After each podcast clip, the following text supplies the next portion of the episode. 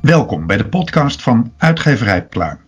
We gaan de boeken bespreken die de komende tijd verschijnen bij Pluim in gesprek met auteurs en samenstellers. Ik spreek met Sarah Berkeljon, gelauwerd interviewster van de Volkskrant, over haar boek De Man van Nu. Met neuropsycholoog en tienerbreinkenner Jelle Jolles over zijn boek Leer je kind kennen. Met David Jijs, de politieke Piketty, over zijn veel geprezen en besproken boek Slow Democratie. Met Mariam Elmasloui van Dipsaus over de bundel De Goede Immigrant. Met Alexandra Lun over haar prachtige debuut De Palimpsesten. Met Jules Stijn, hij is sportvisser en sportvisjournalist over zijn Bijbel voor de sportvissers, Denken als een vis. En met Massi Hoetak, muzikant, schrijver en theatermaker, over zijn aanklacht tegen de gentrificatie. Jij hebt ons niet ontdekt. En alvast excuses. Dit is een podcast in coronatijd, gemaakt vanaf zolders en vanuit kelders en via een overbelast internet. Dus de geluidskwaliteit weegt helaas niet op tegen die van de boeken.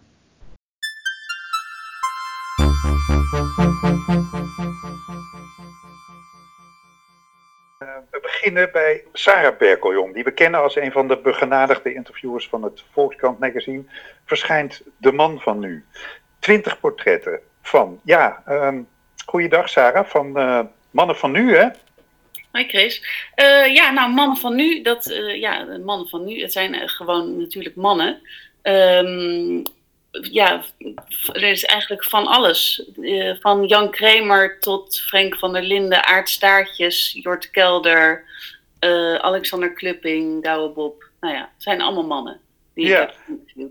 Nou, zullen we daar eens beginnen? Waarom mannen? Nou ja, dus, uh, ja, een beetje flauwe antwoord is natuurlijk dat je ergens een soort selectie in moet maken. Maar toen ik zelf ging kijken naar mijn interviews die ik gedaan heb de afgelopen 10, 12 jaar, kwam ik toch wel tot de conclusie dat uh, mijn interviews met mannen uh, ja, toch mijn beste interviews zijn op een of andere manier. Nou ja, en dan ook nog het idee misschien dat de man de afgelopen jaren een beetje onder vuur ligt of zich misschien wel opnieuw uit moet vinden. Um, ja, zo zijn we zeg maar, op het idee gekomen om dan een bundeling te maken van interviews met ja, allerlei soorten mannen. En waarom zijn jouw interviews met mannen je beste interviews, denk je? Ja, dat heb ik, daar heb ik zelf natuurlijk ook wel over nagedacht. Het is natuurlijk best uh, een moeilijke vraag. Maar ik, uh, ja, ik ben begonnen toen was ik denk ik 6, 27 en uh, toen werd ik door de redactie gewoon heel vaak op mannen afgestuurd. Um, ik denk omdat ja, een, dan, dat men dan niet verwacht dat je een jonge vrouw bent of zo en dat je daar een bepaald voordeel uit haalt. Ja.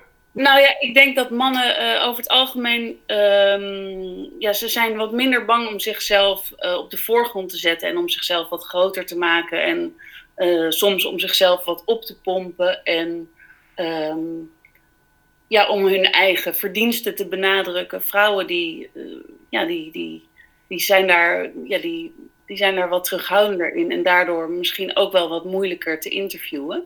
Ja. Uh, ik vind dat pocherige van sommige mannen wel leuk. Uh, ja. Het levert voor een interview ook wel grappige en eerlijke antwoorden op. Ook ja. omdat vaak ook wel iets onder zit, wat misschien toch wel weer een bepaalde onzekerheid of zo. Of, ja, of, of iets waardoor, ja, waardoor dat, dat beeld dan ook weer, waar je dat ook, ja, dat kun je dan ook weer nuanceren.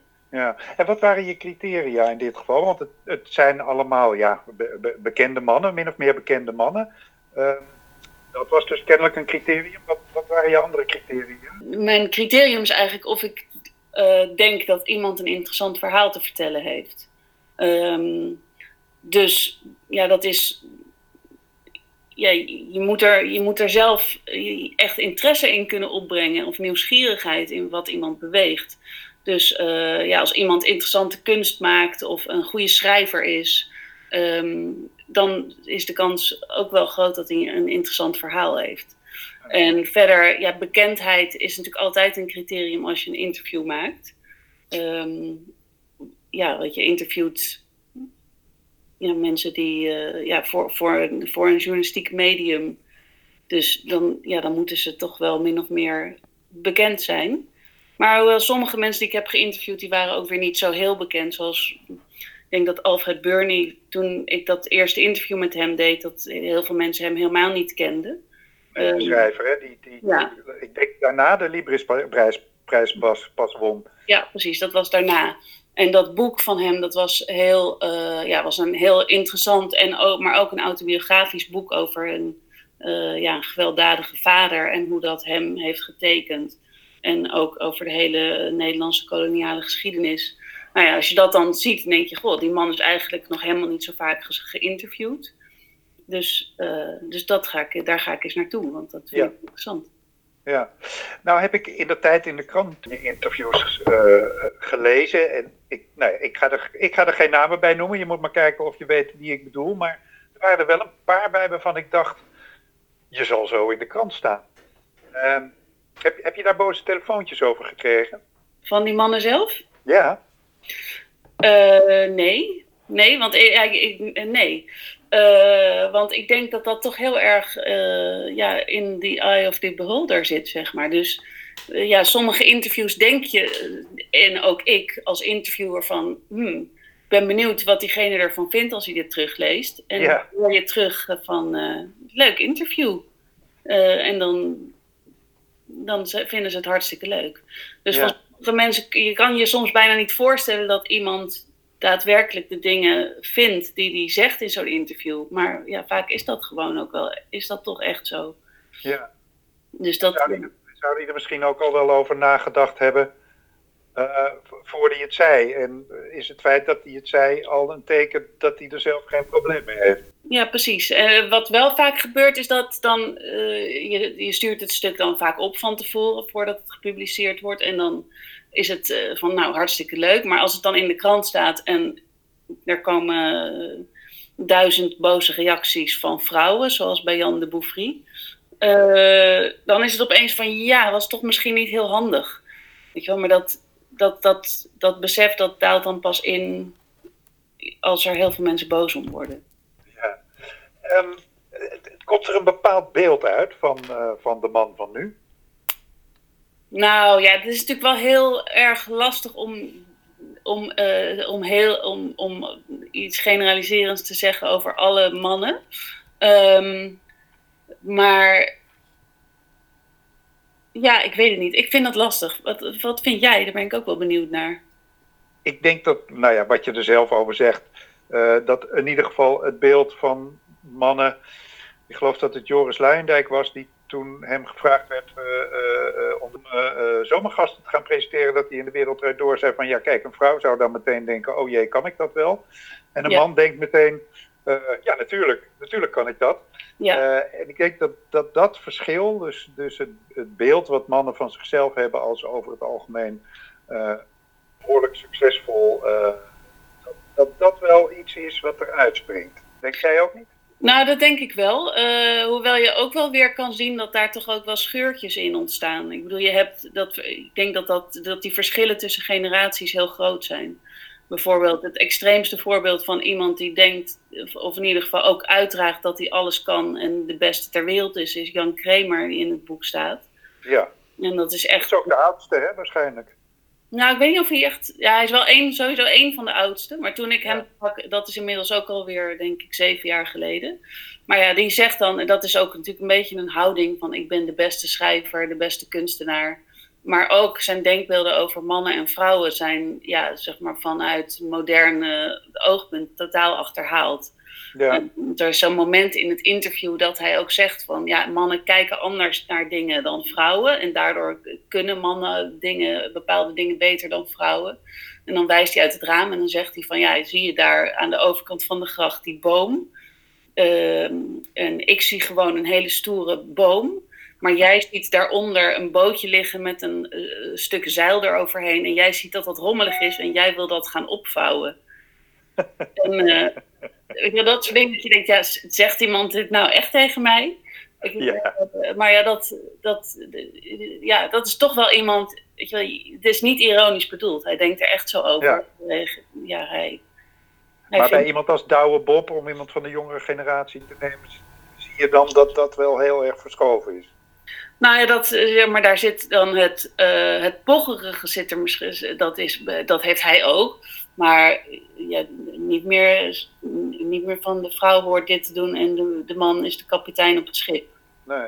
Nee, dat Er, wordt in um, de aanbiedingstekst van het boek verteld dat jij uh, de man toont in al zijn pracht en lelijkheid.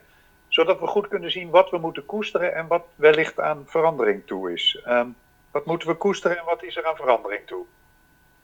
Nou ja, ik vind het ook wel leuk als mensen dat allemaal een beetje voor zichzelf kunnen bepalen.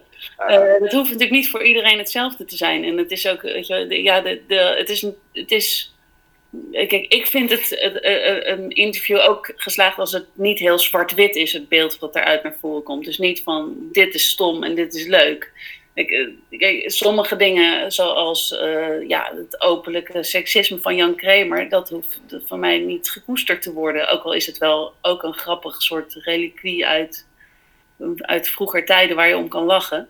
Maar um, ja, ik vind, het, ik vind het eigenlijk leuker als mensen dat zelf bepalen. Dus wat, ja, omdat het juist zo grappig is dat het voor iedereen verschilt. Er waren ook mensen die vonden Jan de Bouffry nou juist een ontzettend leuke en eerlijke man. Naar aanleiding van wat hij allemaal zei in het uh, interview. Uh.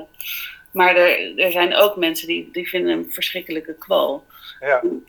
Ja, ik, ik hou mezelf graag uh, mijn mening ja, die, die hang ik zeg maar liever niet aan de grote klok. Want dat vind ik nou juist niet mijn taak. Snap je wat ik? Ik snap precies wat je bedoelt. En uh, het betekent alleen maar dat uh, iedereen die een oordeel wil hebben over de man van nu, of een mening, uh, dat hij jouw boek moet kopen en lezen, Sarah. Ja, dat vind ik ook. Oké, okay, nou, daar zijn we het over eens. Ja. Dankjewel. Oké. Okay.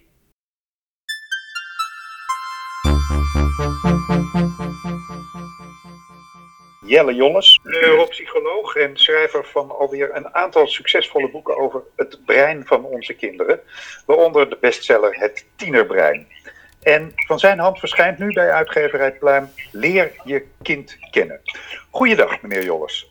Goeiedag. Mag ik uh, beginnen met een, een zin uh, uh, uit de aanprijzingtekst van het boek? die begint namelijk ermee dat u opvoeders oproept om de regie in handen te nemen. Wat bedoelt u daarmee? Hebben ze die op dit moment niet? Nou, niet, niet zoveel als eigenlijk zou moeten. Omdat op dit moment uh, kinderen van 10, 12, 14 voor een redelijk deel um, gezegd worden: exploreer maar, doe het allemaal zelf maar. En mijn stelling is dat een kind van 10, een tiener van 12, een adolescent van 16 nog een heel aantal jaar te gaan heeft. Dat hij heel veel prikkels, uh, kennis en ervaringen moet opdoen.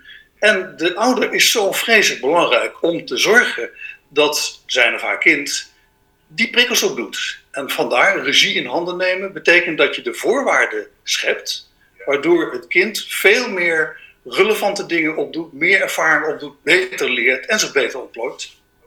Maar kunt u een voorbeeld geven van, van wat er gebeurt in de hersenen van een kind van 12, 13?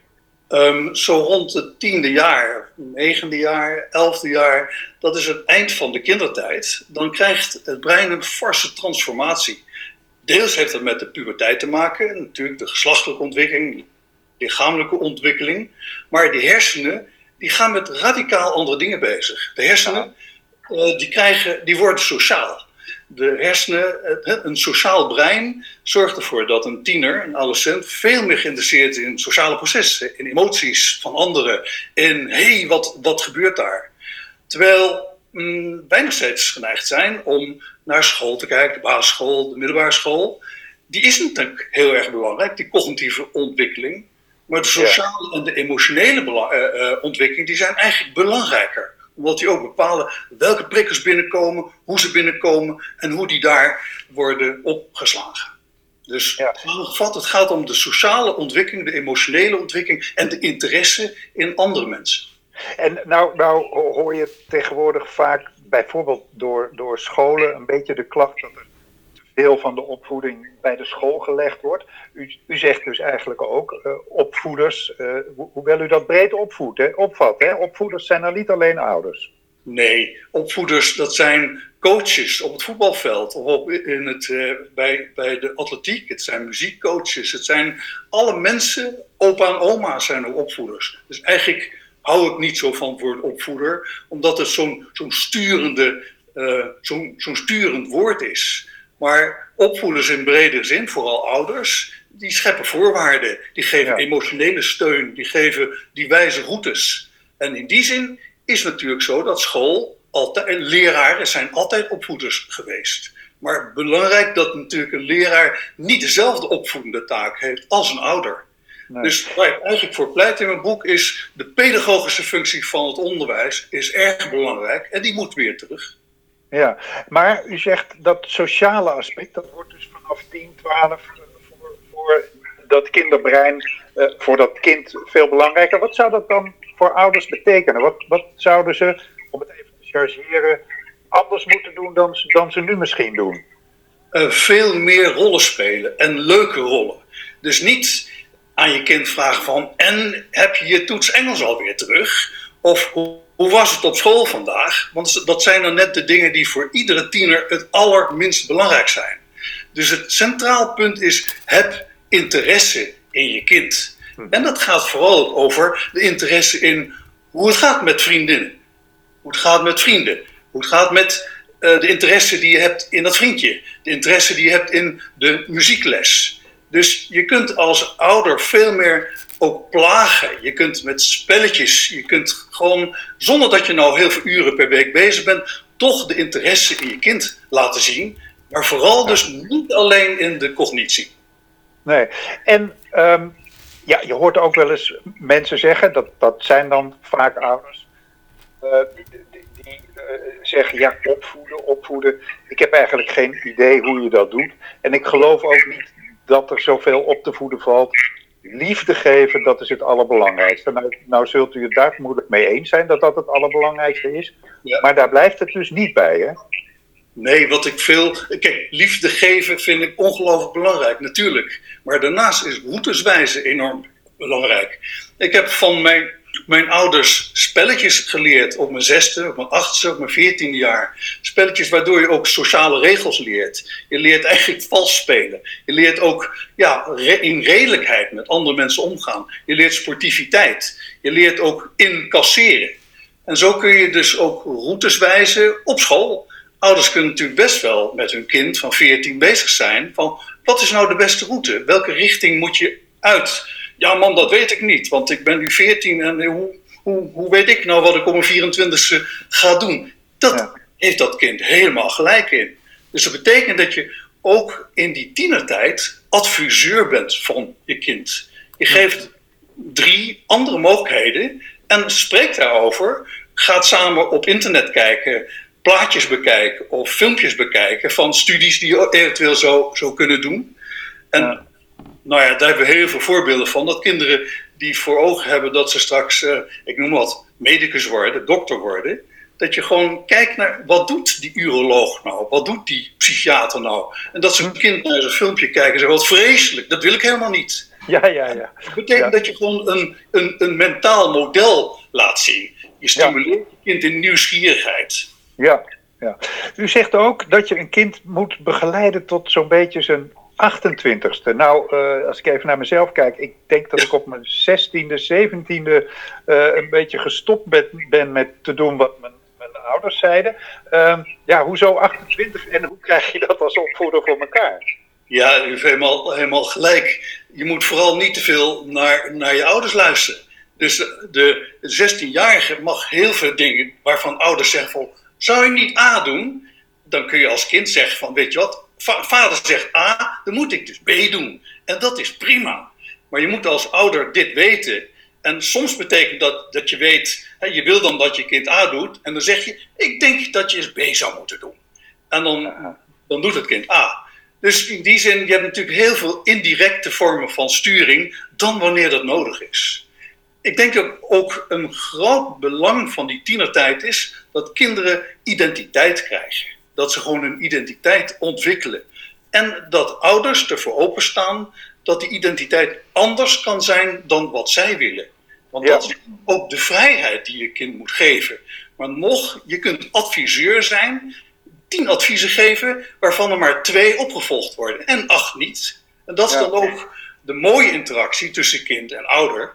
Dat je gewoon het kind leert dat die ouder soms dingen weet die misschien toch wel het overwegen waard zijn. Ja, en bent u een adviseur in die zin dat het een, een heel concreet boek is geworden met echt heel veel praktische, concrete tips? Ja, ik heb uh, geteld, er staan misschien wel honderd tips in, zeg maar. Zo ook uh, tabellen, of in ieder geval voorbeelden van wat je zou kunnen doen en hoe. En ook waarom je op je veertiende jaar, een veertienjarig kind, soms adviezen geeft, soms mentor bent en heel soms ook wel sturend bent. Sturend omdat een kind toch wel geneigd is om hele risicovolle dingen te doen. En dan moet je gewoon zeggen: nee, nee. Jij als 14-jarige kunt dat niet beoordelen.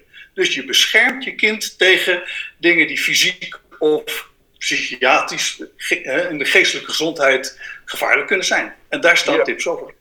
Ja. Is het een goede ontwikkeling dat ouders op dit moment veel meer met hun kind thuis zitten? Mm, ja en nee. Eh, ja, omdat je de gelegenheid krijgt om nou eens wat meer met je kind te praten. Nee, omdat heel veel kinderen en ouders ongelooflijk uh, ja, genoeg van elkaar hebben. Dus als je met z'n vieren zit op een 80 vierkante meter, is dat wel heel erg klein. Dus um, mijn tip, mijn raad op dit gebied is vooral openstaan voor het feit dat je kind, je tiener, nog werk in uitvoering is. En dat hij niet de ervaring heeft die jij hebt. Dus ga hem niet op zijn huid zitten. Maar ga vooral investeren in de positieve dingen.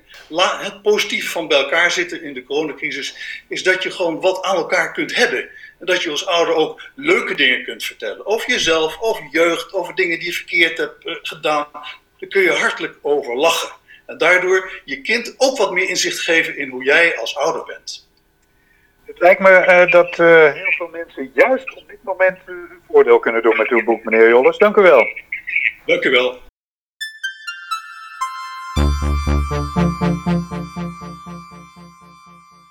oktober vorig jaar verscheen in Frankrijk het boek van de jonge Franse wetenschapper David Jaïs, Slow Democratie.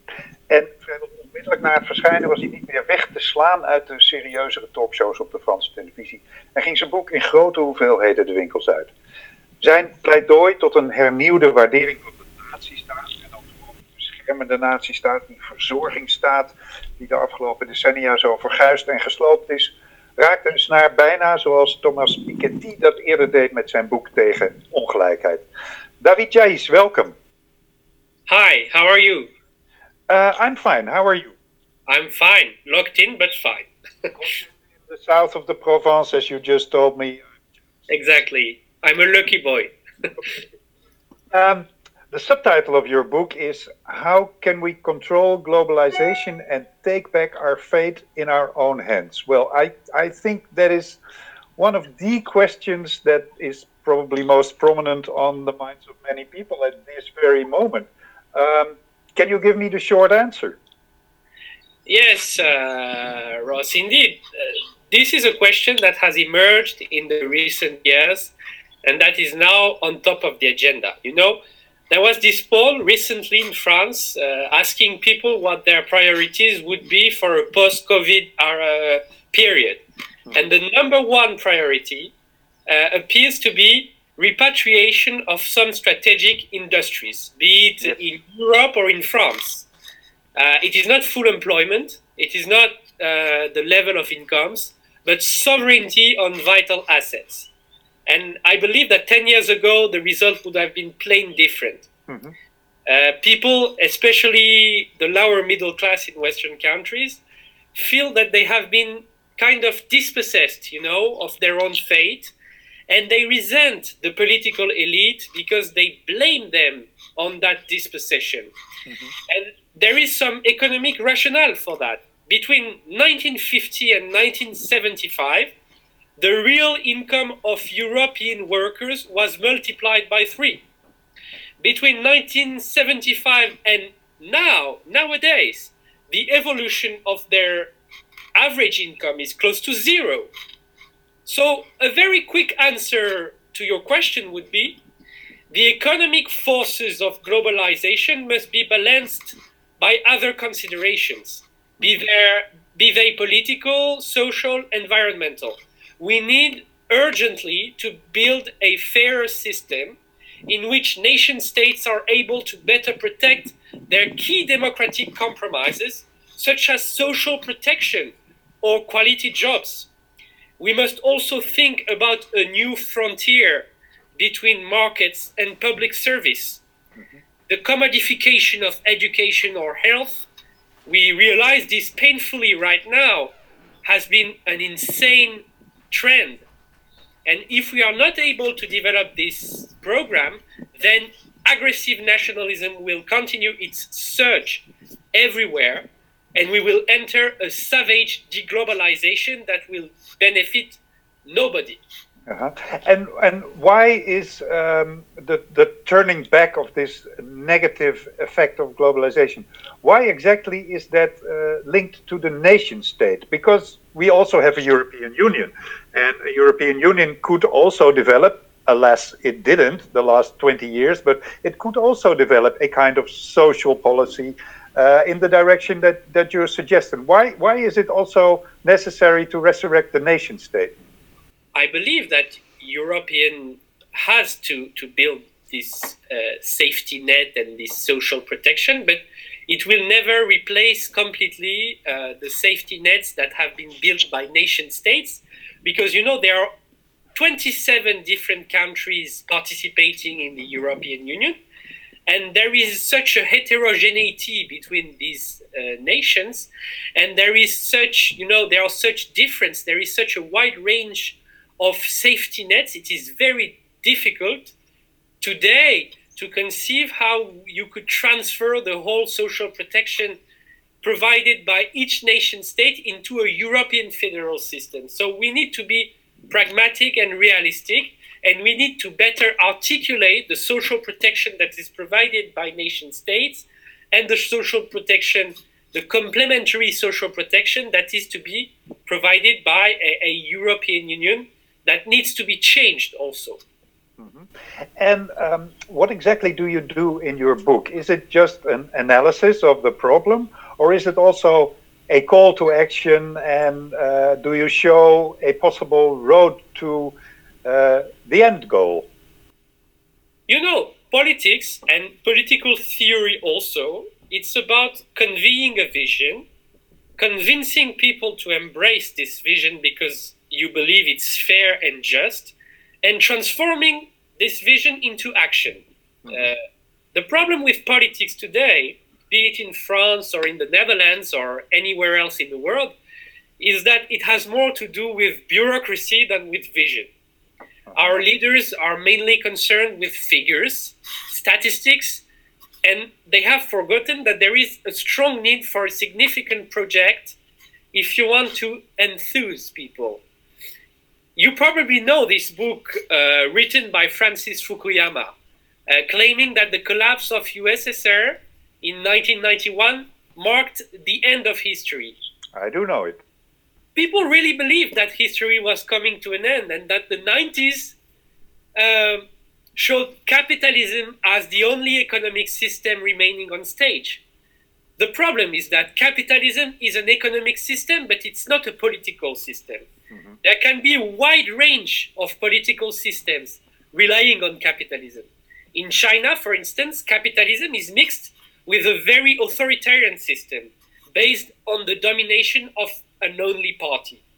In Western countries, we believed that the functioning of liberal democracies was depending only on capitalism and globalization blossoming.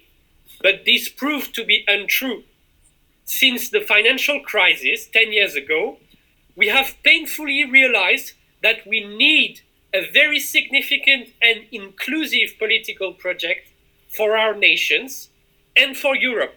Uh-huh. And this has to be grounded in a fair and documented analysis of globalization, which yeah. is what I try to provide in the book. Yeah.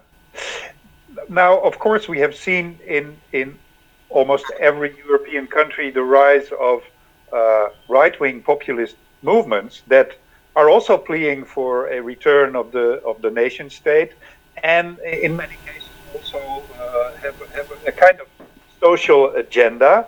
Um, but it goes together with uh, the call for closing of borders, limiting migration, and so forth and so forth.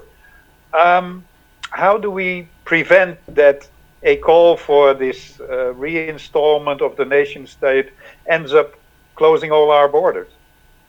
Well, the, the answer is what I would call social democracy. Uh, what I've tried to show uh, in the book is that nation states have from now on more to do with social protection, with safety nets, with solidarity between citizens, because, because the political uh, idea of a nation state has to do with the, the social inclusion uh, uh, it implies.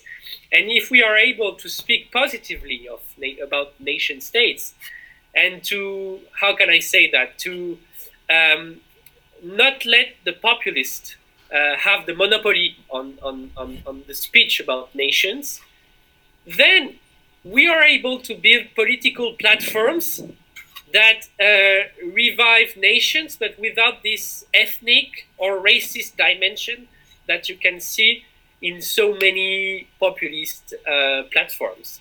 Mm-hmm.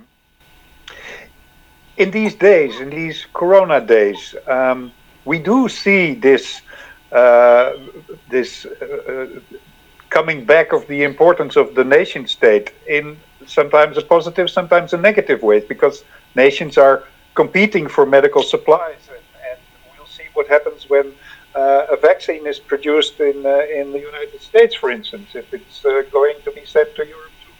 Um, do you consider uh, essentially this to be positive development apart from all the suffering that's going on. That, that's that's obvious that we don't want that, but a positive development as, as a kind of wake up call that could help uh, reaching the goal that you were striving for in the book. Well, I feel really unable to predict what is going to happen even in a in a short future, you know, and I didn't expect when I wrote my book that such a a global pandemic would occur. But what this crisis shows us is that so far, uh, globalization has increased our interdependencies without increasing our solidarities and our cooperation on the same pace, you know?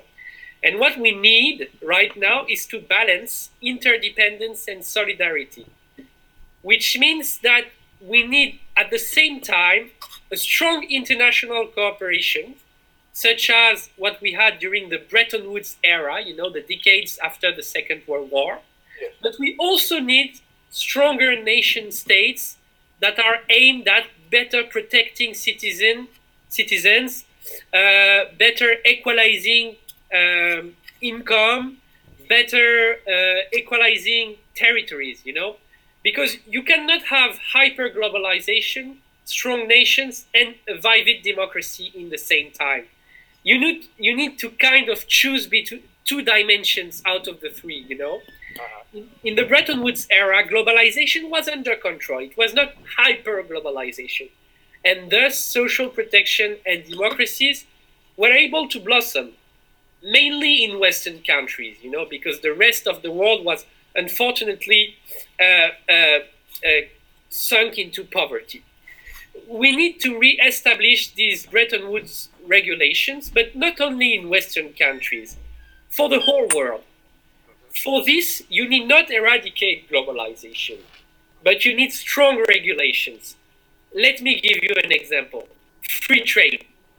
I think from protectionism. Of course not. But you should pay a carbon tax on goods imported from outside Europe, for instance, to make sure that we are not exporting pollution. We are entering a new social democratic era with a strong logical dimension, but this requires both strong nations uh, turn towards social protection rather than identity, a powerful Europe able to produce public goods and a strong international cooperation. Uh-huh. And you know, Europe is key too because it should not be only about free trade, competition, and uh, controlling deficits. It should also be an industrial power, producing, for instance, electric batteries for cars, uh, able to mobilize landmark scientific research for a vaccine. Yes. You know, Um, to conclude, Mr. Geitz, I, I made the comparison in, in my introduction with uh, uh, Thomas Piketty's book about uh, uh, inequality, and I, I didn't make that up. I know the comparison is not new to you because it's been made before, in the sense that what he did for the economic side of the story, you are doing for the political side of the story. Two, two sides of the same coin. Do you agree with that analysis? I, I, I agree because I have much admiration for Thomas and, and I, I respect his work and I think he has conducted landmark research on inequalities with a, a very strong historical uh, and geographical dimension also. But I slightly disagree with him on the political architecture, you know, because Thomas is still uh, a kid of globalization, a kid of hyper globalization Uh-huh.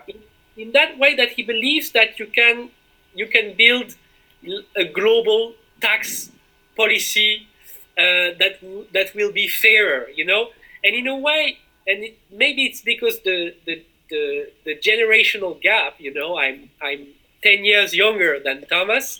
I am less naive in a way, you know, and and I believe that we should really empower a nation state, but in the in the in the in the in the in the sense of justice, social justice, in the sense of national solidarity rather than identity. And I'm a bit more pessimistic about global governance, you know. Okay, I'm I'm really looking forward to the, the translation of uh, of your book, which is going to appear in uh, in Holland this summer. Thank you very much, Mr. Jones. Thanks a lot. See you soon.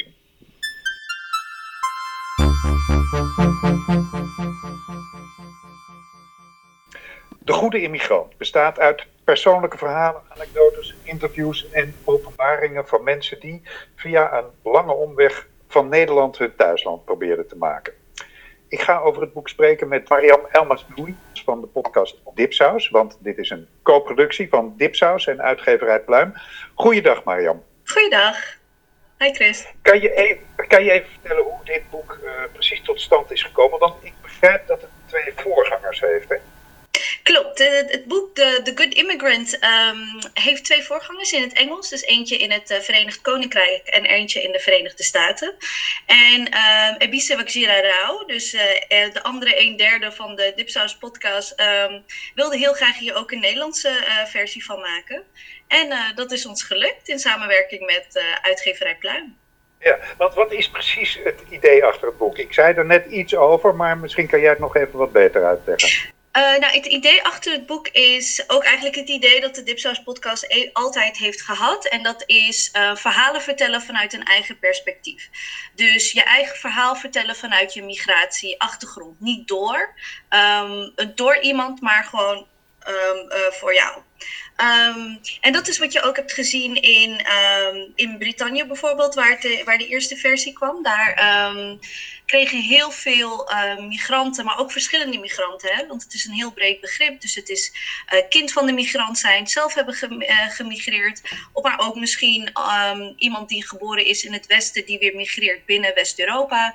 Ehm, dus al die verhalen vanuit je eigen perspectief vertellen, ongefilterd, ongezouten en vanuit je eigen perspectief. Dus dat is eigenlijk het belangrijkste van het idee achter de goede immigrant. Ja, en je zegt het is heel, het een heel breed, eh, brede opvatting van het begrip immigrant. Op, op wat voor eh, mensen zijn jullie, zijn jullie uitgekomen? Hoeveel mensen? Ja. Kan, je, kan je er iets meer over zeggen? Ja, nou dat zijn ongeveer eh, 25 mensen eh, geworden. En dat, je kan je voorstellen dat zijn mensen die in, wat bekender zijn in Nederland. Die bijvoorbeeld al columns hebben geschreven in, in kranten. Maar ook, ehm, eh, ook mijn moeder bijvoorbeeld. Sorry? Sorry, kan je wat namen noemen? Van, uh, ja, ik kan zeker wat namen noemen. Um, even kijken, nou, iemand als Quincy Gario, hè, een hele belangrijke figuur in de um, emancipatie- of antiracismebeweging. Um, Olave Nwanje, een, een trans non-binaire uh, zwarte vrouw die heel veel columns schrijft, die staat er ook weer in. Maar ook minder bekende mensen die wij, die wij hebben leren kennen via vooral social media die erin staan. ook mensen die misschien die nooit eerder hebben geschreven. Uh, die wij hebben helpen um, hun verhaal op papier te zetten. Aha. Ja, want volgens mij zei je toen ik door je heen ging praten net, jouw eigen moeder bijvoorbeeld. Ja, mijn eigen moeder bijvoorbeeld. Dat is iemand die zichzelf in Nederland heeft leren lezen en schrijven. En um, dat zo'n unieke verhaal heeft van een tiener dat in de jaren zeventig naar Nederland komt. En uh, we hebben het er wel eens over gehad, over haar verhaal. Maar nu komt het echt in een boek voor heel Nederland en uh, hopelijk ook België om, uh, om te lezen. Dus het is zo breed. Het is um, microniveau, macroniveau. Um, en het zijn gewoon de, de, verhalen gebundeld bij elkaar. En ja. wat we gemeen hebben daarin is migratie. Ja, en ben jij met je moeder gaan zitten en heb jij dingen opgeschreven? Of heb nee, dat heb ik niet. Dat heb ik niet. Uh, nee, dat heb ik niet zelf gedaan. Um, uh, dat hebben we door, dat hebben we door Stuttgart laten doen. En zij is uh, een redacteur bij Dipsaus en ze heeft ook bijvoorbeeld uitgeverij Chaos opgericht, een feministische boekuitgeverij. Dus dat heb ik niet. Dat heb ik niet zelf gedaan. Nee, nee, nee. nee. En, en als je als je een beetje overzicht moet geven van de verhalen. Voor, zo, voor zover dat kan hoor. Misschien lopen ze te veel uiteen, dat zou ook kunnen. Maar is het vooral een, een staalkaart van problemen waar mensen tegenaan komen? Of zijn er ook mensen die hier volkomen gelukkig geland zijn en nooit problemen gehad hebben? Wat, wat, is de algemene aard van de verhaal? Ik denk Um, nou, dat is ook weer heel breed. Hè? Dus ik kan het, als, ik, als ik het zou moeten compartmentalizen, dan zou ik zeggen van dat, het, dat het vooral heel emotioneel is. Um, en ik denk dat dat ook te maken heeft met dat mensen zelf hun verhaal hebben kunnen opschrijven. En waarvan ze weten dat het in goede handen is bij, um, bij bijvoorbeeld dipsaus en, en pluim. Maar ook vooral bij dipsaus omdat wij zelf een migratieachtergrond hebben. En die veiligheid heeft ertoe geleid dat het hele emotionele verhalen zijn. Mooie verhalen, ontroerende verhalen. Verhalen die, die, um, die mij ook ontzettend hebben, hebben geraakt. En ja, dat ging niet zonder slag of stoot. Zeker niet de migratie. Dus um, er zitten problemen in, er zit emotie in, er zit, um, maar er zit ook vooral een strijd in. Hè? Uh, ja, dus dat zijn wel een beetje de, de thema's die je veel terugziet. En ook tijdens, we hebben een crowdfunding gedaan om al deze schrijvers ook um, um, te betalen. En wat je ook zag van mensen die, die doneerden, dat ze heel graag dat verhaal ook wilden horen vanuit dit perspectief. Dus niet in een interview of niet dat het zeg maar in een derde persoon werd geschreven, maar dat iemand tot jou sprak. Wat is dat de vorm van alle verhalen? Van iemand die tot je spreekt?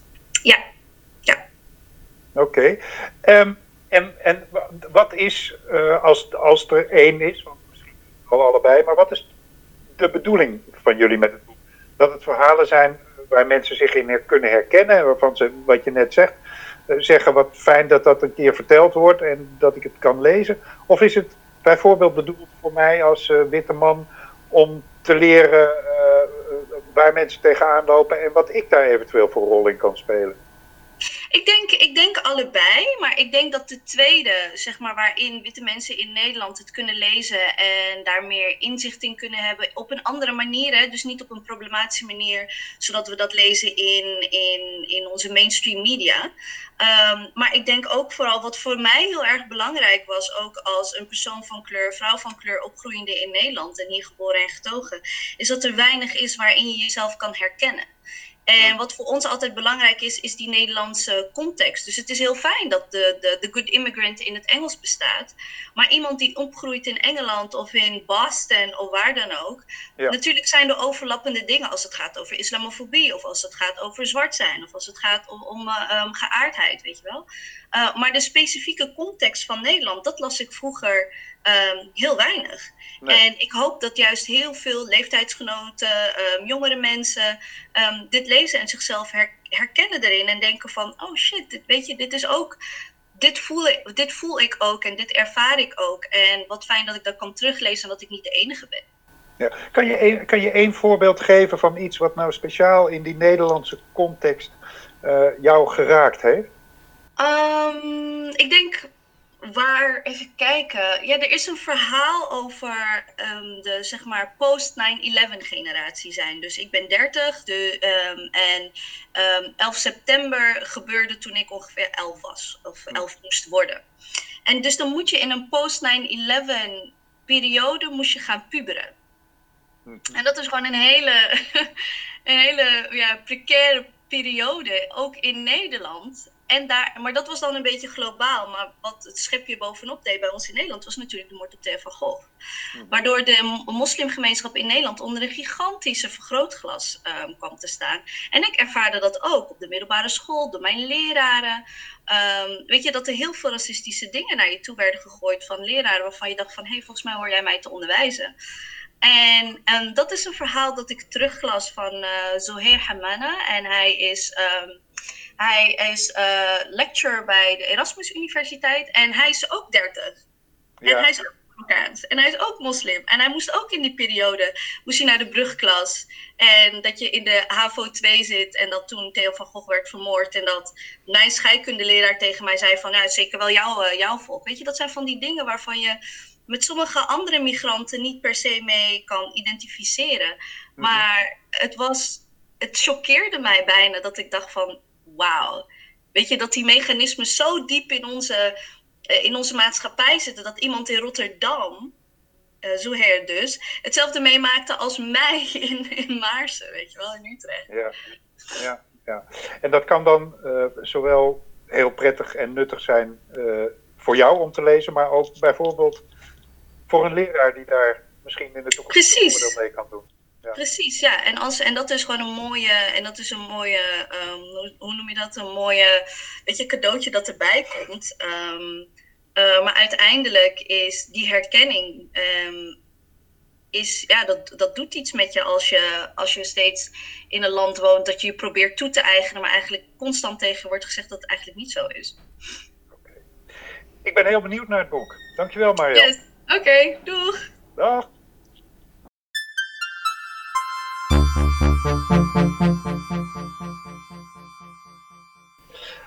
Alexandra Loen is van oorsprong Pools en ze schreef haar debuut in het Spaans. Ze beheerst namelijk negen talen. Naast schrijver ook literair vertaler uit het Engels, het Frans, het Spaans, het Catalaans, het Italiaans en het Roemeens. En momenteel woont en werkt ze in Brussel en ik spreek haar terwijl zij in Brussel zit, want ze is daar uh, Nederlands aan het leren. Hello, Alexandra. Hello, hello, good morning. Well, since we're speaking about language, well, we start in English, but what language am I going to talk to you? Well, I, I, do prefer English. I am studying Dutch, but by, I, I, wouldn't like to torture our listeners with my current level of Dutch. So, thank you for you, Begrip. yeah, but uh, I mean, language is a topic uh, in your life. I, I just uh, said you speak nine languages. Well, se seven and a half. Dutch being Dutch, Dutch, Dutch being the half precisely. How come? Where, where, where does your um, interest in speaking so many languages come from? What does it say about you? Well, you know, I was born in uh, 79 in, in Poland, so in full communism era, in a totalitarian state. And I must say that at the time, you know, we didn't have much time to learn languages. I'm saying time as a euphemism because, of course, we were very busy queuing for you know, toilet paper, among others, which is a very popular product nowadays in, in a whole, yes, yes, yes. at We're least in to, Europe. Back to basics, yeah. so, you know, we were too busy trying to achieve, you know, some rolls of toilet paper to learn languages. Yeah. And, you know, besides, of course, you know, the borders were closed. There were not, con- we didn't have any contact with the external world. And, of course, learning languages wasn't really an option. And uh, when this ended, uh, you know, it was such a life shaping experience that I think many people tried to make up for this lost uh, for this lost time during this you know 40 years long lockdown that uh-huh. we lived in the communist countries. Yeah.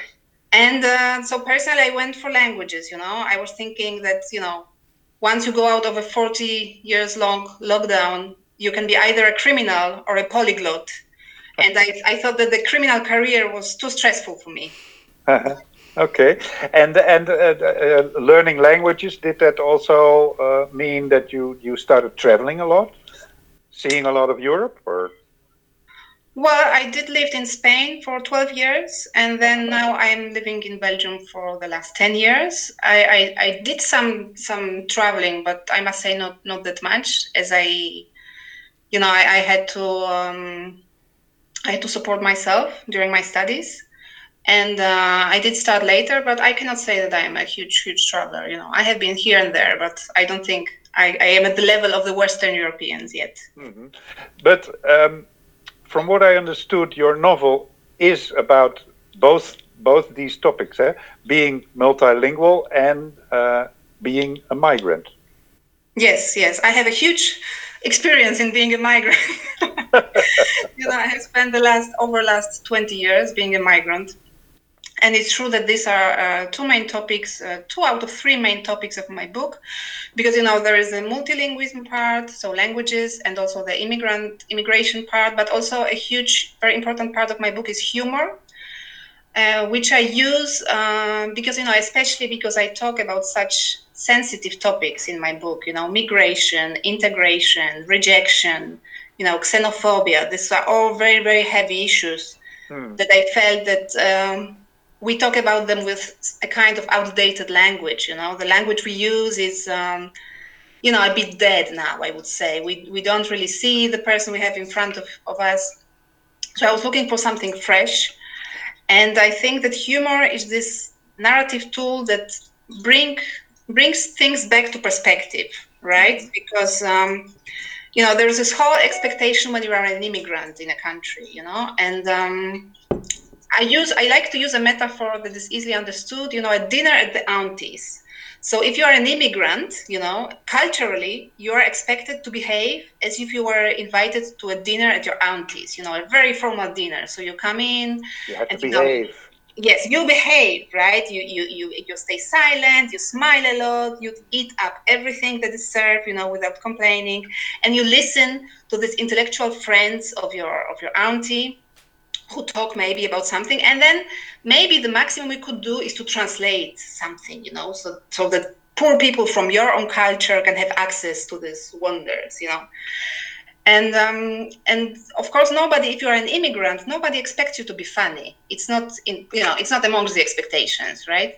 So i wanted to bring things back to perspective and um, you know behave a bit like as if you were you know coming to this dinner with your own you know falafel you know and eating loudly and telling jokes right to do a bit of of a, of a mess and um, I think it's very important, really, to use humor about talk difficult topics, um, because you know, uh, equality, especially, I think uh, equality is not possible without humor, because humor itself is a form of equality. Mhm. So this was my main goal to change the language we talk about immigration and to you know to show also the funny side and to also bring things back to perspective, which I think Yeah. is very important. Yeah, you you- say it's a it's uh, humor is a form of equality. Maybe it's also a form in, a form of uh, humanizing people uh, because we tend to look at migrants many uh, many times as, as maybe victims or people who have a very difficult life, and that's that's also in a way dehumanizing, isn't it? Totally, I'm, I'm, I'm absolutely, I absolutely agree with you. It's very important what you say because actually, uh, it's a very common. Uh, this dehumanizing is a very common phenomenon, which is, you know, unwilling. Very often, it's not, you know, it's not, it's not in bad faith. It's just the way we are used to do these things. And uh, even, you know, these kind of questions like, you know, where are you from, and this whole expectation around migration, like you are expected to always be talking with nostalgia about your country and always be cooking at home the traditional dishes, you know? And um, and somehow um, you know you by treating people you know as if they just left the country you're somehow as you say dehumanizing them because you are denying them one of the most important characteristic of a human being which is the capacity to change right we uh-huh. all we all during our life we go through this process of change we are not none of us not you, not me, none of our listeners are the same person that they used to be 10 years ago. But with migrants, it, it works differently. Somehow there is this photo made at the moment of arrival, and this photo often stays, you know, for years yeah. and decades. Yeah, you, you, you reduce them to the folkloristic cliches that we have about the country where they come from. Of course, of course, of course. Yeah. So, uh, uh, so who are the funny people in your book? Are they the migrants, or else, or are they also on the other side, or is everybody funny? I would say everybody's funny, of course. well, my car- my character, my main character, is um, is a migrant for from Eastern Europe. Uh-huh. Who, who immigrate emigrated to Antarctic, you know. So he learned the Antarctic language, and he precisely, you know, because he was, uh, you know, he was a big lover of Hemingway, you know, in different meanings.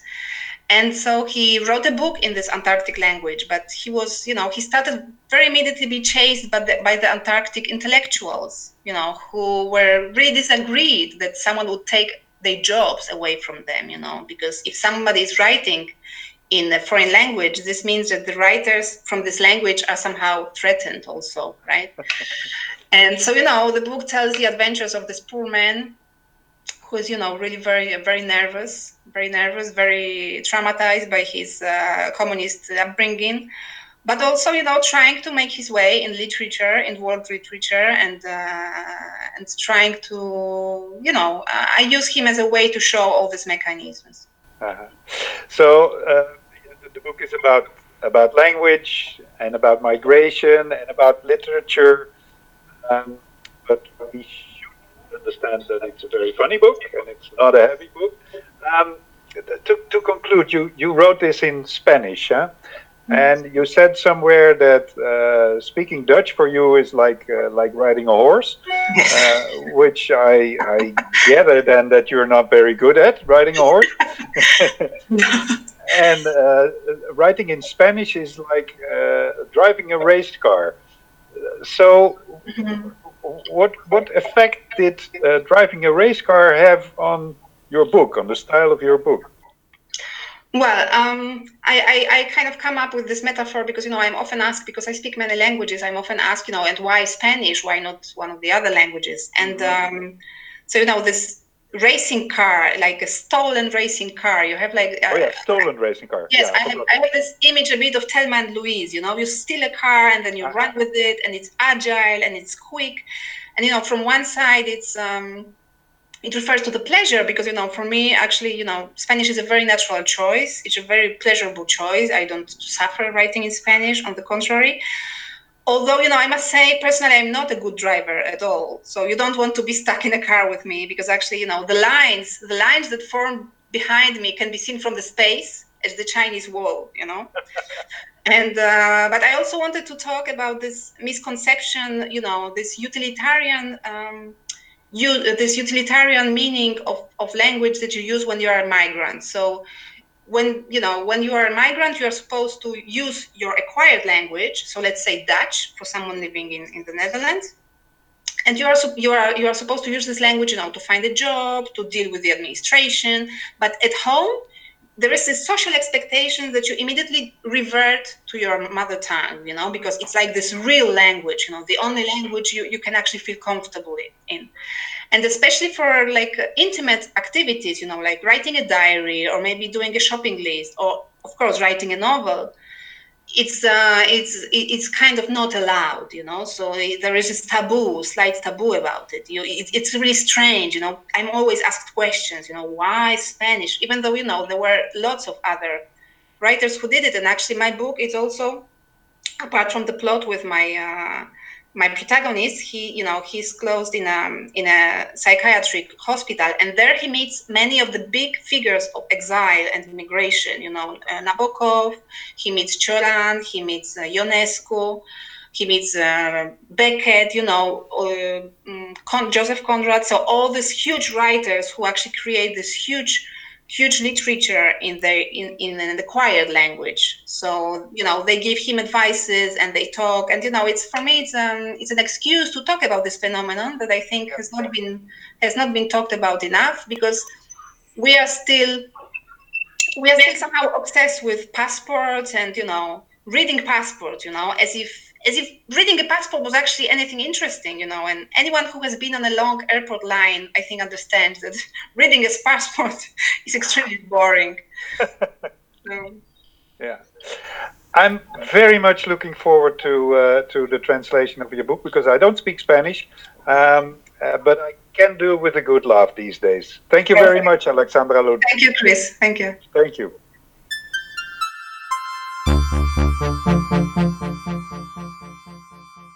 Jules Stein is sportvisjournalist en sportvisser. En hij schreef Denken als een vis. Een boek waarvan we na het verschijnen vermoedelijk al heel snel zullen gaan zeggen dat het de Bijbel voor de sportvisser is. Welkom, Jules. Dag, aangenaam. Ja, ik, eh, ik lees dat het hoog tijd is voor een complete gids voor de visser. En voor de twijfelaar om hem naar de waterkant te lokken. Ik ben uh, voorzichtig uitgedrukt een twijfelaar in dit gebied. Uh, lok, lok, mij eens naar de waterkant. Uh, wat ik zou doen en wat ik ook wel in het boek doe, is de lezer mee naar buiten nemen. En eigenlijk kijken welk water er nou bij jou in de buurt ligt. Ik, ik weet niet waar je woont, Chris. Ik woon in Durgedam. Dus waar ik vooral veel mensen zie vissen is aan de, uh, de Durgendammerdijk, of de, de Uitdammerdijk, maar dan aan, aan de binnenkant, hè? In, ja. in het binnenwater daar. Ja, nou hartstikke interessant. Ik, uh, ik, ik, heb, ik weet niet of je enig idee hebt wat er allemaal zwemt. Ik wel. Geen flauw idee, nee. nee. Nou, nou na het lezen van het boek weet je dat wel, want hè, dat zijn wat, wat ondiepere slootsystemen.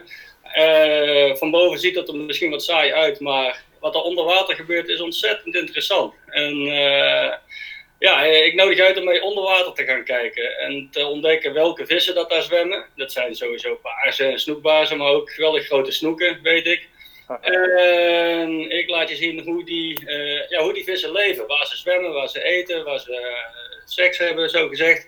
Uh, en ehm, ik leer je welke materialen je nodig hebt, welke hengel, welke kunsthaas.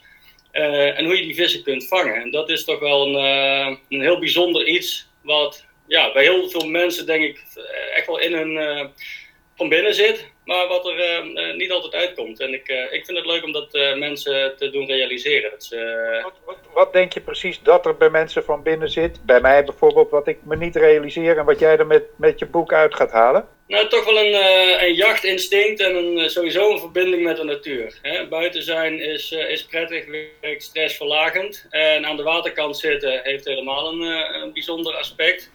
Uh, en uh, ik ben ervan overtuigd dat um, het uh, vissen um, ja, appelleert aan een soort oergevoel. Het vangen van een vis geeft een enorme bevrediging. Ik, misschien zelfs omdat het gewoon bewijst dat je in, je in je voedsel kunt voorzien. Dat je jezelf en je gezin zou kunnen onderhouden als het, als het zou moeten. Dat is ja. niet de primaire reden voor mij om te vissen, maar het, het voelt wel heel lekker om zo'n vis te vangen. Ja.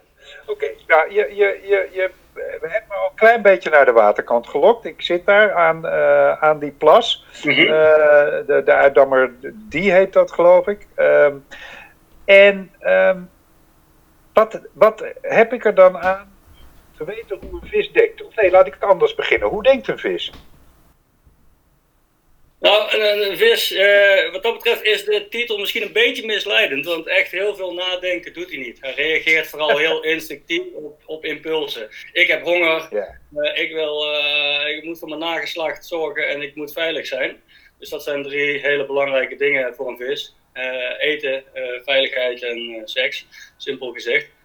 Uh, en uh, dat is voor elke vis is dat weer, uh, weer anders. Een, snoek bij jou voor de deur, die heeft heel andere eisen aan zijn leefomgeving. Die leeft heel anders dan een snoekbaas die twee kilometer verderop op het ei zwemt. Ehm, en nou, ik vind het interessant om, om in dat hoofd van elke vissoort te gaan zitten. Om te kijken hoe je ze het beste kunt benaderen. En dat benaderen, dat, dat betekent in dit geval dus hoe je ze het beste kan vangen. Hè? Want ja. uh, is het een heel verschil of ik een snoekbaars in het ei wil vangen of een snoekbaars in de uitdammerdie?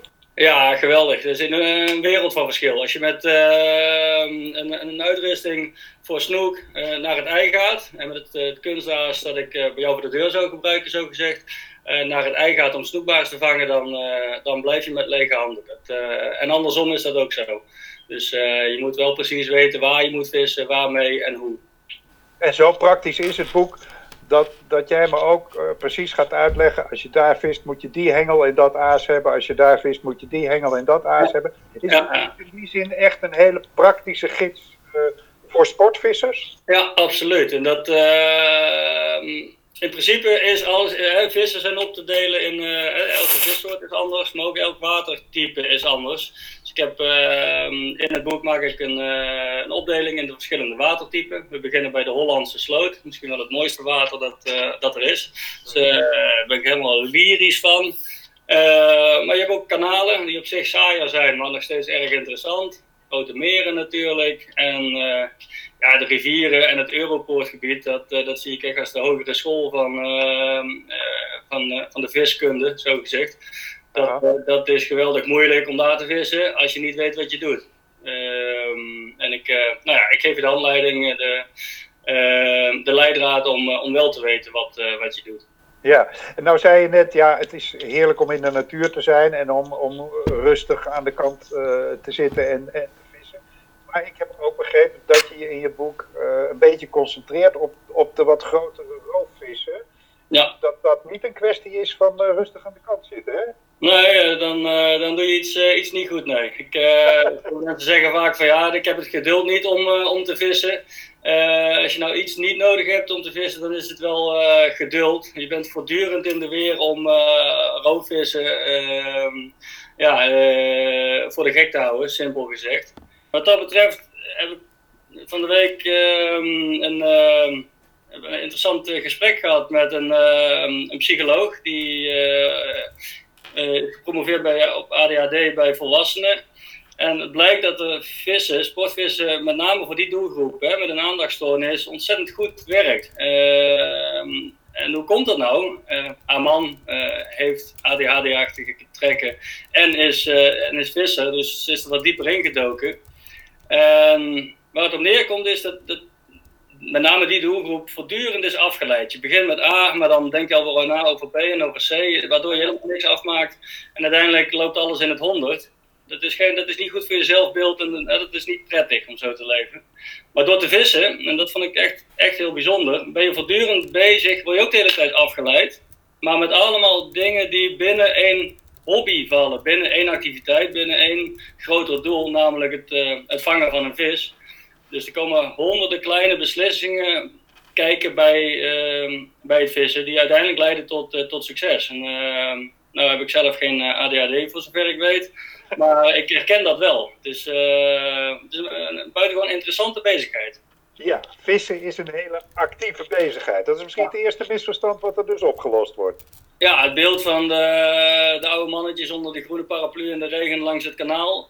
Eh, die, eh, die mannetjes die zijn er nog steeds en ik, ik gun ze alle plezier. Maar eh, daar hoort, uh, de moderne sportvisser, die hoort er eigenlijk hoort, daar niet in dat plaatje thuis. Nee.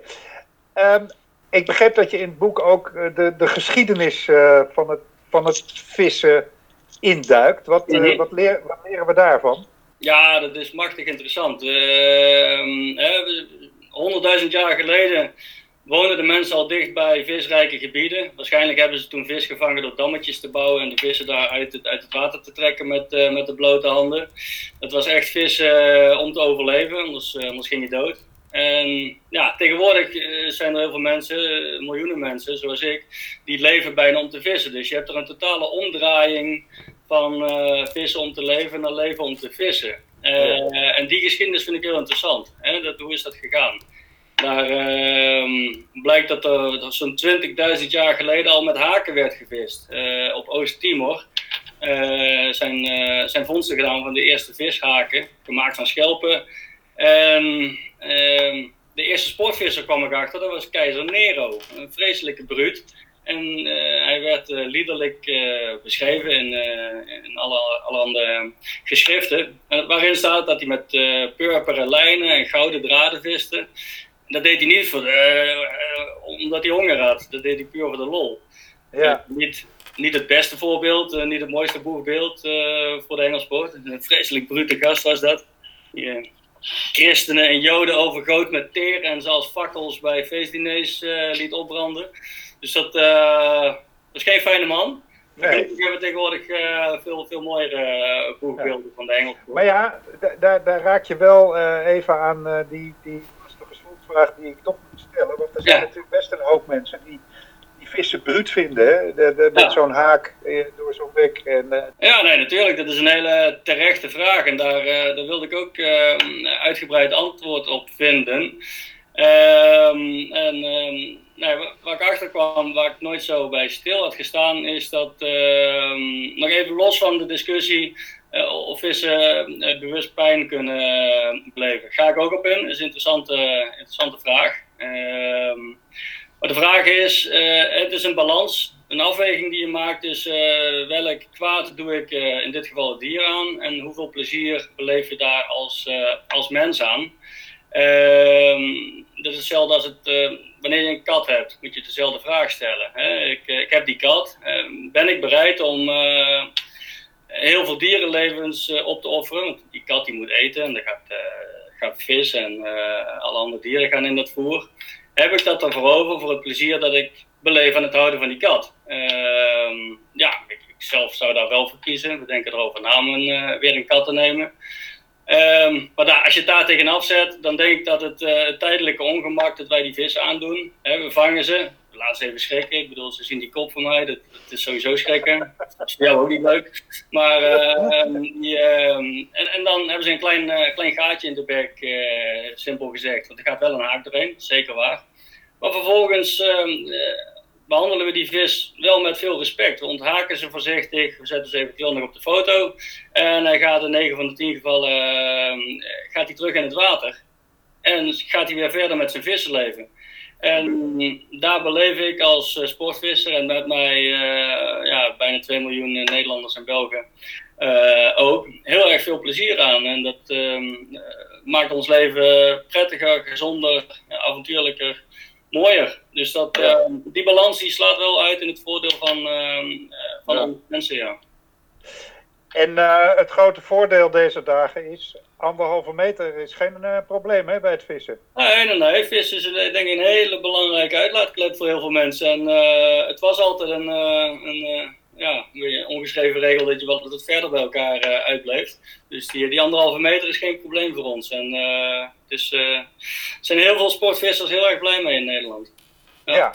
Nou, en ik, uh, ik ga ervan uit dat ze ook allemaal heel erg blij zijn. En ook de niet-sportvissers, die twijfelaar die nog naar de waterkant gelokt moet worden. Uh, met jouw boek Denken als een vis. Dankjewel, Jules. Graag gedaan. Dankjewel.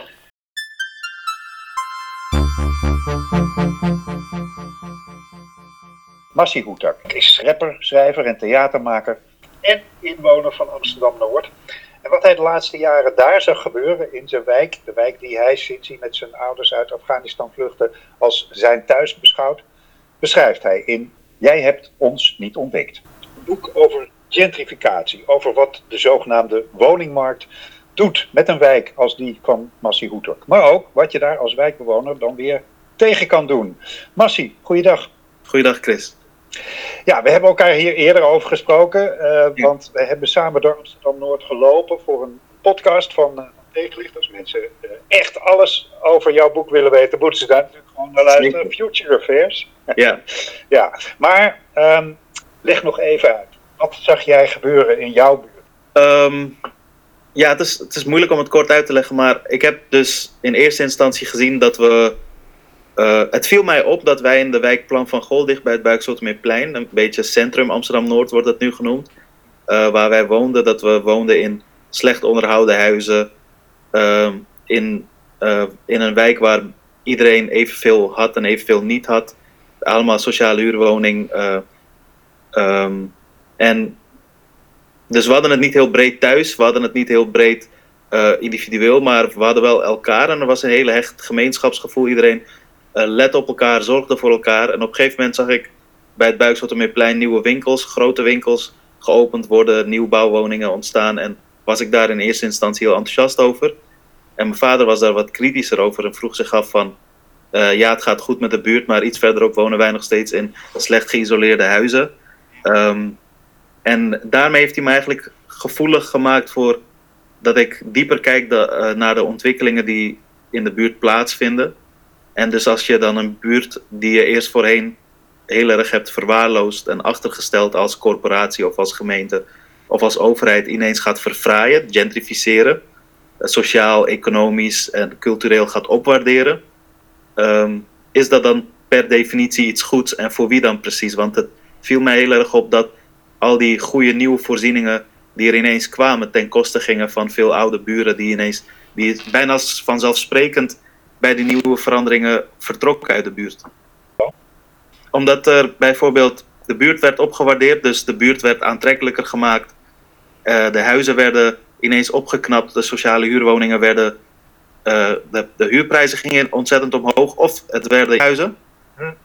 En dus veel buren konden de huur niet meer betalen of uh, kregen de optie puur voor de vorm om hun huis eventueel zelf te kopen. Maar dat, hadden, dat geld hadden ze niet. En dan hadden ze altijd een tweede optie klaarstaan voor een mooie nieuwbouwwoning. Voortuin, achtertuin, maar wel in Purmerend of Zaandam of in het ergste geval in Almere. en, uh, um, Sorry Almere.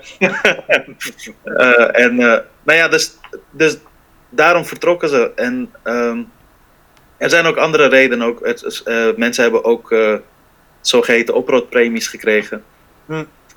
van, van woningcorporaties. Um, ja, in het kort is het dus dat als je eenmaal een wijk die structureel is verwaarloosd. Weet je, mensen hebben altijd huren betaald. En daarbij hoort dat hun huizen worden, uh, sociale huurwoningen worden onderhouden. En dat onderhoud is achtergebleven. De huren zijn wel jaarlijks omhoog gegaan. Um, en op een gegeven moment konden de mensen de huren niet meer betalen. En de plek waar ze wel geworteld zijn, waar ze dus die gemeenschap hebben gevonden, uh, wordt uit elkaar gerukt. Um, en ik vraag me dan af van ja, die veranderingen, die verbeteringen, natuurlijk uh, zijn die goed voor de buurt, maar waarom gaat het per definitie ten koste van oude bewoners, ondernemers, het onderwijssysteem, de kunst en cultuur in een wijk? Uh, en hoe kunnen we dat veel beter inrichten? Ja, daar komen we zo op. Maar eerst even, ja. want jij zag dit gebeuren in, in Amsterdam Noord. Ja. En um, mede voor je boek, maar ook voor de theatervoorstelling die je gemaakt hebt. Ben je gaan kijken wat gebeurt er eigenlijk in andere grote steden? Wat, wat, ja. Waar ben je allemaal heen gegaan en, en wat heb je daar gezien? Uh, ik ben in eerste instantie naar Brooklyn gegaan. En eigenlijk was, uh, was de bedoeling om alleen naar Brooklyn te gaan en dat, te vergelijken met uh, Amsterdam Noord. omdat in 2014 de New York Times hun top 10 van de onontdekte parels van de wereld, de plekken waar iedereen naartoe moet, had gepubliceerd. En Amsterdam Noord stond op nummer 3. Hm? Uh, en dat heeft de gentrificatie die toen al gaande was in de vijfde versnelling gegooid. Uh, en, en, en de New York Times eindigde met het, het is alsof je in Amsterdam Noord in het Brooklyn bent van Europa. Dus ik wilde uh, voor, voor mijn, eigenlijk moest dat een essay worden, voor mijn essay wat ik voor Over het IJfestival schreef. Dat is een klein festival in Amsterdam Noord, dus er, er waren ook niet zoveel middelen om naar heel veel plekken heel lang te gaan. Dus ik dacht, ik ga alleen naar Brooklyn. Maar daar, iedereen die ik daar sprak, die zei van ja, je bent eigenlijk te laat. Uh, je kunt hier het proces niet meer zien. Het is, je ziet hier alleen nog maar de gevolgen en de, de, de scherven eigenlijk. Maar dat was heel waardevol, omdat ik overal waar ik kwam en na, na Brooklyn ben ik ook in Californië geweest, naar LA en Oakland en San Francisco, maar ook Berlijn. Overal waar ik kwam zag ik of mensen die, steden die op hetzelfde punt stonden om dezelfde ontwikkelingen te, mee te maken, of die al veel verder waren. En in het ergste geval zag ik onze toekomst als we niet nu ingrijpen. En dat is namelijk dat uh, de ongelijkheid en onrechtvaardigheid die er bestaat op de wereld überhaupt in steden zich het meest manifesteert in, de, in de ruimte. Gewoon fysiek als je om je heen kijkt, zie je het verschil tussen rijk en arm steeds groter worden. Ik ben me ook gaan afvragen van hoe hebben we die steden in eerste instantie ingericht? Het heeft mij een hele kijk en fascinatie voor steden nog, nog, nog meer geprikkeld. En ik kwam telkens terug naar Noord en steeds meer dacht ik van shit, ik kan niet hier nu op een soort afstandelijke manier naar kijken en een antropologisch verslag over schrijven. Want uh, ik was heel erg mijn persoonlijke verhaal erbuiten aan het houden. Maar het feit dat het me zo raakte en dat ik steeds bozer terugkwam, en om me heen keek en dacht van shit, we moeten echt uitkijken, want die ontwikkelingen in Noord zijn niet onschuldig. Ze zijn, uh, ze zijn het, is, het is het gevolg van wanbeleid, dat heb ik vooral gezien. Zeg maar, uh, wanbeleid vooral in Amsterdam. Ik denk niet, ik heb heel lang geloofd dat er iemand op een zolderkamertje slechte plannen aan het maken was. Maar het ligt ingewikkelder, namelijk mensen bedoelen het goed. En dat is waar het nog gevaarlijker wordt. Ja, Eh, ze overzien de consequenties niet. En die, Ja, ja, precies. die zag jij dus wel in jouw Ja. buurt, in je eigen leven en in die andere. Wat doe je daarmee in het boek? Is je, is je boek dan een soort eh, reisverslag langs al die plekken? Of? Ehm, ja, ook, maar ook een reisverslag langs eh, mijn jeugd en mijn huidige leven en het wortelen ergens en definiëren wat thuis is. Eh, wat een buurt is en wat een stad is en wat, wat maakt ons buurtbewoners en niet buurtgebruikers. Dus het feit dat je je, eh, of je je wel of niet verantwoordelijk voelt voor een buurt waarvan je wil dat het daar goed mee gaat met buren, dat je daar niet alleen maar wakker wordt en s'avonds terugkomt. Dus bijvoorbeeld heel veel mensen die de afgelopen jaren in Amsterdam Noord eh, huizen hebben gekocht, ehm, die hebben hier eigenlijk een plan B gevonden. Dat was nooit hun plan A. Het, was, het centrum was eigenlijk plan A, maar dat was te, te duur. Dus ze zijn zich in Noord gaan vestigen, wel zo dicht bij het ei mogelijk, zodat ze weer heel snel in dat centrum zijn. Met als gevolg dat ze ehm, eh, dus hier wakker worden en hier eh, slapen, maar eigenlijk hun sociale en economische leven en werkleven speelt zich vooral nog af in het, eh, aan de andere kant van Noord. Ehm, in mijn boek vertel ik daarover. In mijn boek gaat het eigenlijk ook over de ontwikkeling die ik maakte van iemand die als een eh, enigszins neutrale, maar wel eh, hoe zeg dat, verontwaardigde essayist vertrok van hey, wat gebeurt er nou in mijn wijk? En gebeurt het alleen in mijn wijk? Want ik, dit is 2016, 17 dat ik naar Brooklyn ging, dat ik echt vertrok met dit gebeurt alleen in Amsterdam Noord en het heeft voorheen alleen maar in Brooklyn plaatsgevonden. En, en op een gegeven moment gingen mijn ogen open, want mensen in Brooklyn zeiden van, ja, je bent hier te laat, je zou eens naar San Francisco moeten gaan. Daar zeiden ze, je moet de brug over naar Oakland. En in Oakland zeiden ze, als je wil zien wat je er tegen kan doen, moet je naar LA. En in Europa ook van, weet je, van hot naar her gestuurd. En Ja. op een gegeven moment, in mijn boek vertel ik ook het verhaal van een jongen die eh, van neutraal naar steeds activistischer gaat, omdat hij eh, ziet van je kan, eh, de situatie is niet neutraal. Dus mijn houding kan dat ook niet zijn. Ik voel mij verantwoordelijk voor die buurt, maar dat kan ik niet alleen maar zeggen, ik moet dat uiten. En Ja. eh, in dat boek gaat het ook over dat ik eh, een belangrijk moment is dat ik terugkom uit LA, waar ik voor het eerst een tegenbeweging zag. En dan met, voor het eerst met mijn vijftal vrienden thuis afspreek, ze laat zien, ze, ze ook mijn tussentijds verslag liet lezen. En eigenlijk alarm sloeg van we moeten nu wat gaan doen. Ja.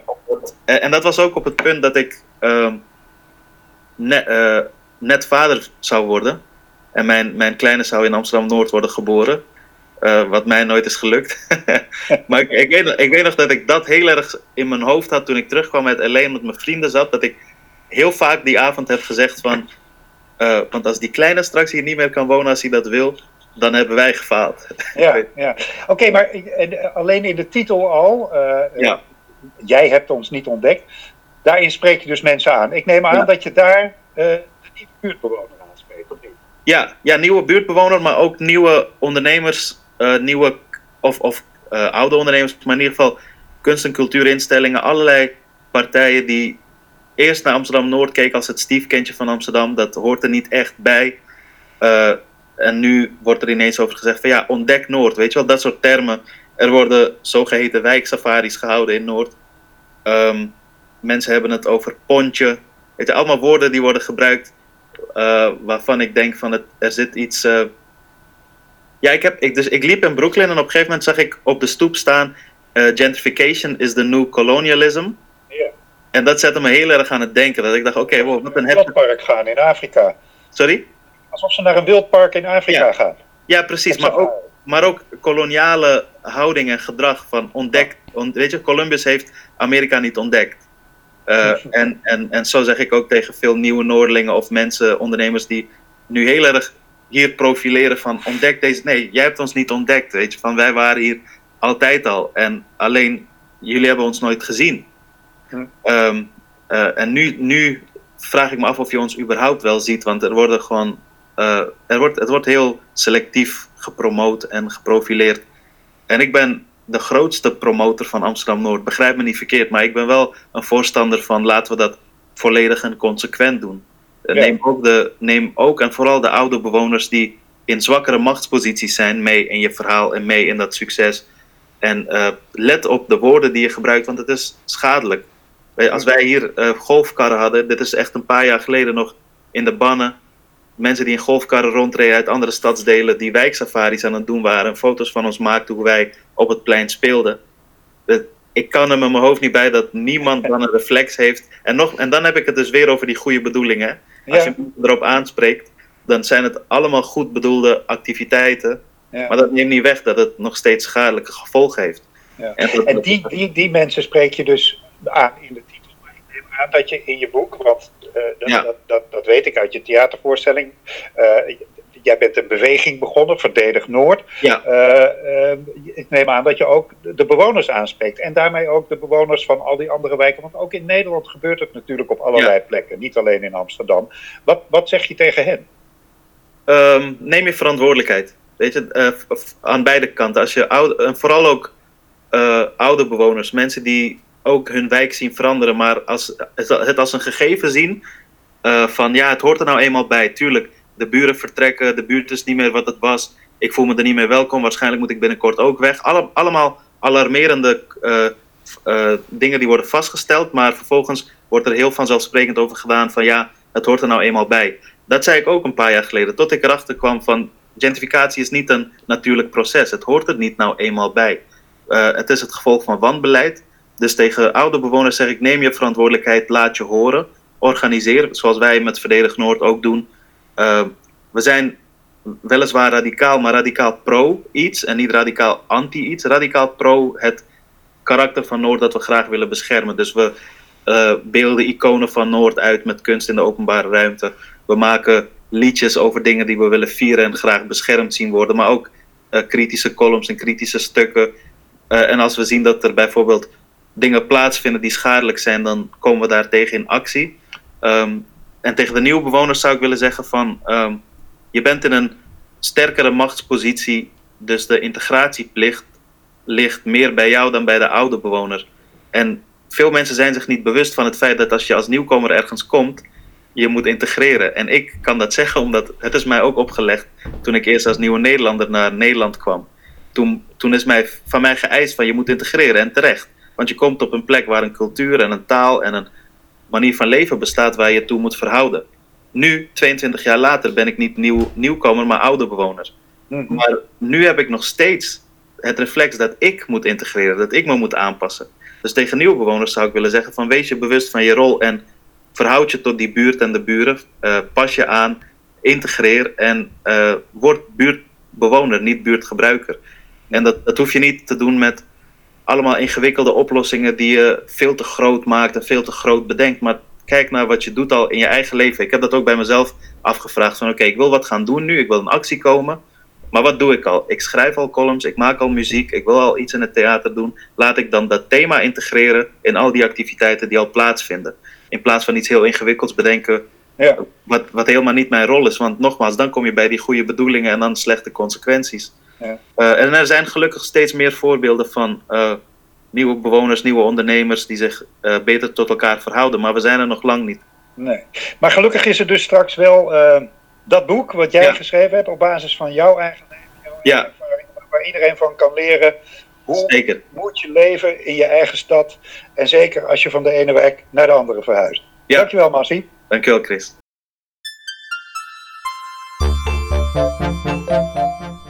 U luisterde naar de podcast van Uitgeverij Pluim over de boeken die de komende tijd verschijnen. Ik sprak met Sarah Berkeljon over De Man van Nu, met Jelle Jolles over Leer je kind kennen, met David Jais over Slow Democratie, met Mariam El Masloui over De Goede Immigrant, met Alexandra Lun over de palimpsesten, met Jules Stijn over Denken als een vis en met Massi Hoetak over Jij hebt ons niet ontdekt. Bedankt voor het luisteren en alles wat u verder wilt weten over deze auteurs en hun boeken kunt u vinden op de website natuurlijk van Uitgeverij Pluim. Uitgeverijpluim.nl Bedankt voor het luisteren.